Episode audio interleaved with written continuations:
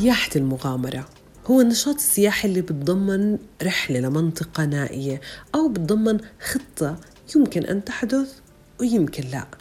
أبسط طريقة لفهم سياحة المغامرات هي عكس السياحة التقليدية.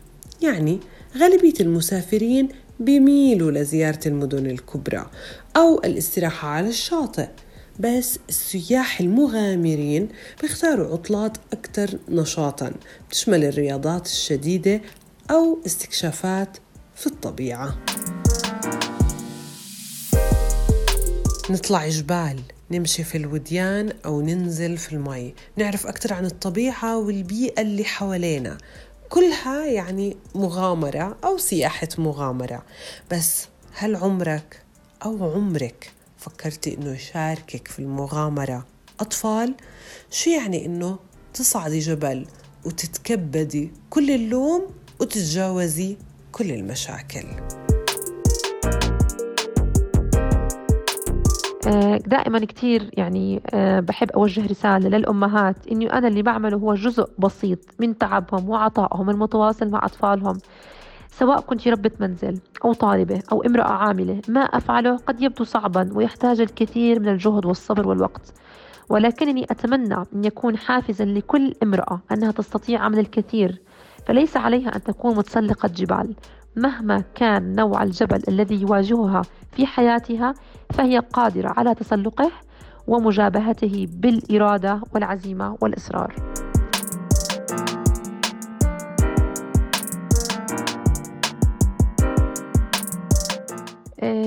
تشجيع الصراحة آه، الناس اللي حوالي أفراد عائلتي أصدقائي متابعين على مواقع التواصل الاجتماعي دائما بحفزني على بذل المزيد وتشجيع الآخرين على البدء على البدء بهاي التجربة.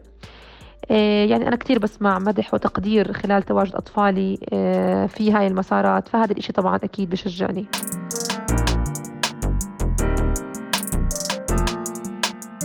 أهلا فيكم في حلقة جديدة من بودكاست قصتها القصيرة. هديل دواس أم لطفلين. هي بالأساس مهندسة معمارية. عبر مواقع التواصل الاجتماعي بتروج لمناطق سياحية كتيرة بس الجديد بترويجها وبقصتها إنه هديل أطفالها بيكونوا معها بكل مغامراتها السياحية. هاي المغامرات عند هديل المعرفة الكافية للأدوات اللي لازم تستخدمها وتكون معها رغم التحديات اللي واجهتها ظلت مؤمنة. بأهمية صعود هذا الجبل جبل المغامرة مع الأطفال وأهميته وانعكاساته عليهم.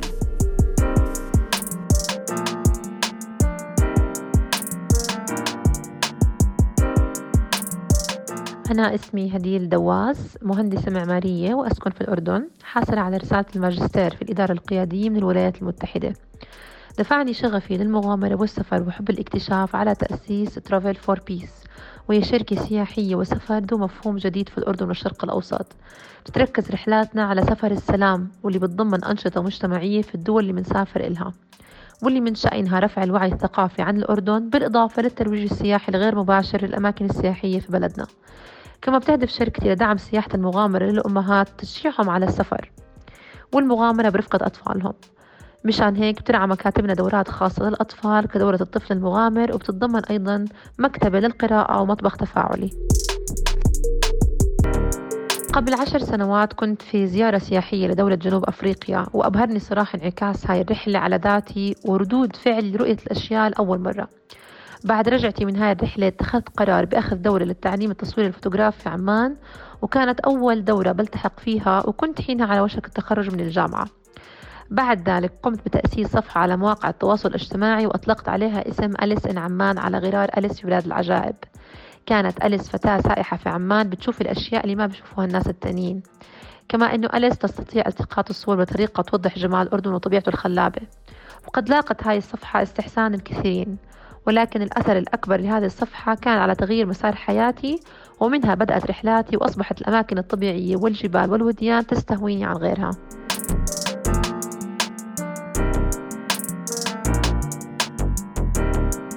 بس حب الوديان والطبيعة اللي عاشتهم هديل. ما كانوا وليدي الصدفة.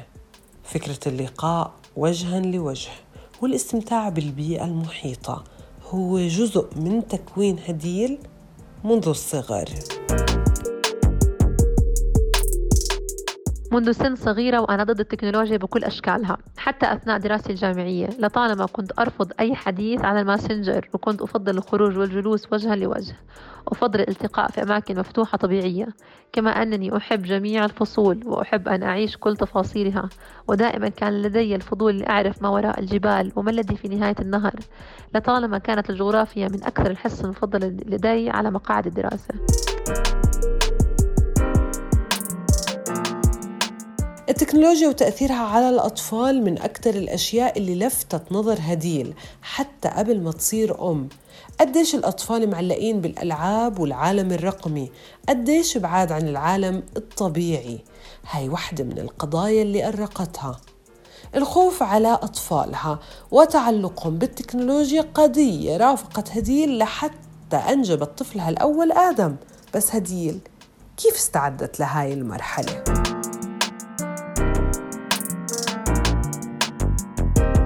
أكثر إشي حفزني وحتى قبل إنجاب أطفالي هو علاقة الأطفال من حولي بالإلكترونيات. لدينا الكثير من الأحفاد من العائلة وكنت أراقب عن بعد كيفية ارتباطهم بالأجهزة ومنذ أعمار صغيرة.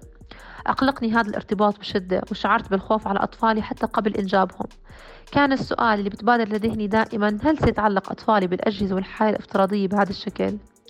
مشان هيك قمت بالاستعداد لهاي الحرب منذ ولادة طفلي الأول آدم. والحمد لله استطعت أن أبعد طفلي عن جميع أنواع الشاشات وأن أجعله يعيش حياة طبيعية يستنشق فيها الهواء.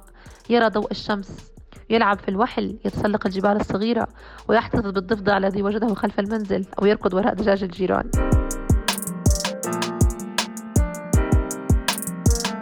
بدأت مغامرتي مع طفلي آدم وهو يبلغ من العمر ثلاثة أسابيع. وقد قمت باصطحابه معي إلى قاعة الامتحان وفي رحلتي لدراسة الماجستير. كانت الجامعة تبعد ساعة عن المنزل.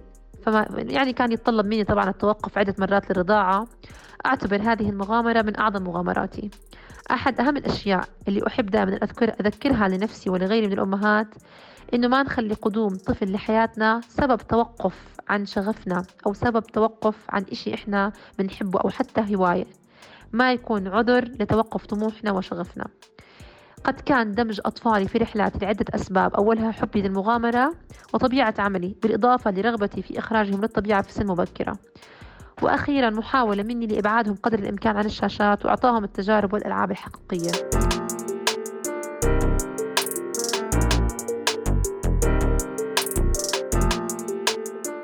لكن أكيد فكرة أخذ الأطفال للطبيعة ومشاركتهم في سياحة المغامرة أمر قد يرفضه كثير من الأشخاص اللي حوالينا طبعا للصورة النمطية. الصورة النمطية لها علاقة بالخوف من الطبيعة أكثر من الخوف بالتكنولوجيا. وهذا فعلا أمر واجهته هديل اللي ما كان مشوارها سهل أبدا. شو التحديات اللي واجهتها؟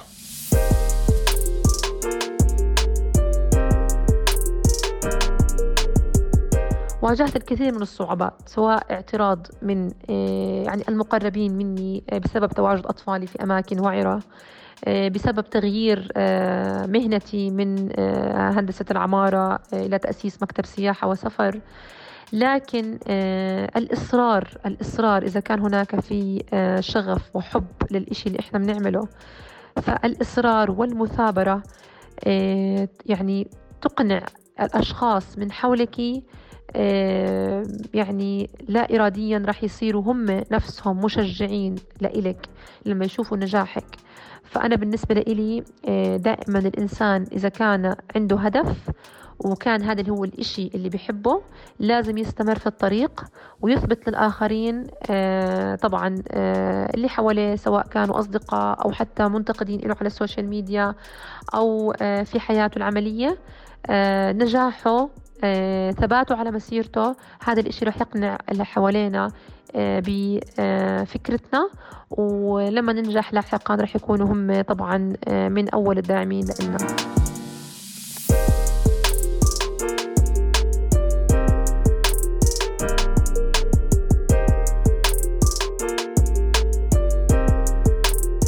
يمكن كتير من الأشخاص اللي بيسمعوا قصة هديل بيسألوا شو فائدة الأطفال يشاركوا بمثل هيك نشاطات؟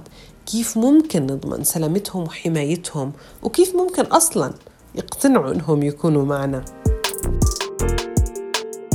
آه، كثير في أمهات بيسألوني يعني شو الحيل اللي ممكن تسهل آه، الخروج مع أطفالنا؟ بالنسبة لي أفضل حل هو التدرج وأهم هو أهم أسباب نجاح رحلاتي مع أطفالي. بدأت معهم بمسارات خفيفة بالقرب من المنزل ومن ثم إلى المنتزه وبعد ذلك انطلقنا نحو الطبيعة. عندي كمان التخطيط لرحلة مسار خارجي في الطبيعة. آه، ما بصير نحكي للطفل إنه يلا بدنا نروح نمشي. ممكن نستخدم عبارات ماما شو رأيك اليوم نروح نتسلق جبل؟ أو ماما شو رأيك نروح نستكشف اليوم آه، حيوانات أو شو في الغابة؟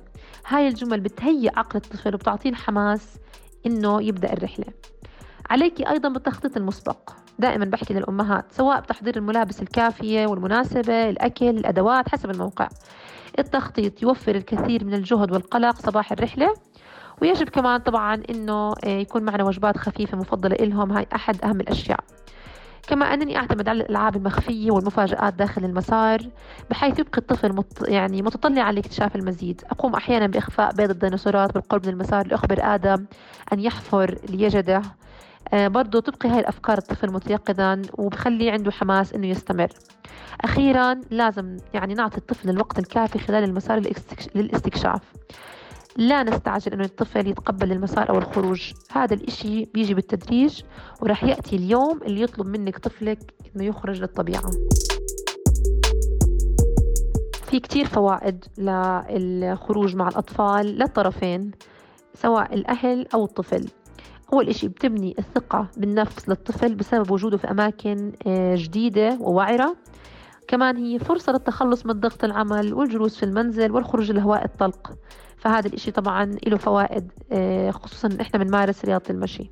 آه، كتير في ناس يعني بيسألوني شو أحلى رحلة ممتعة خططتي لها أو شو أفضل المواقف اللي صارت معك. يمكن أجمل رحلة خطها هي كانت رود تريب رحلة طريق طويلة مرينا فيها في على عدة ولايات خلال دراستي في الولايات المتحدة عشان نوصل لجبال ال Rocky Mountain في نورث كارولاينا كانت هاي من أمتع التجارب آه، بسبب تنوع التضاريس اللي مرينا فيها ومدتها عادة الشخص اللي بتستهويه المغامرة صعود الجبال والمشي بالوديان ما بتكون لأحلامه حدود. وهذا اللي صار مع هديل اللي عندها أحلام كبيرة كثير. آه هو مش حلم آه أحلامي كثيرة. آه يمكن في منها أحلام خاصة وأحلام عامة. بالنسبة لأحلامي آه لا خصوصا بلدي الأردن بتمنى أن المواقع السياحية اللي بزورها تكون مهيئة في المستقبل للجميع. سواء من ناحية الطرق مداخلها تكون مهيئة لأنه إحنا عندنا كنوز مخفية في الأردن كنوز سياحية مخفية. بالنسبة لحلمي بتمنى إنه مشروعي يكبر أه بتمنى إنه أكون أه يعني مشروعي يصير أه معروف على أيضا الصعيد العالمي.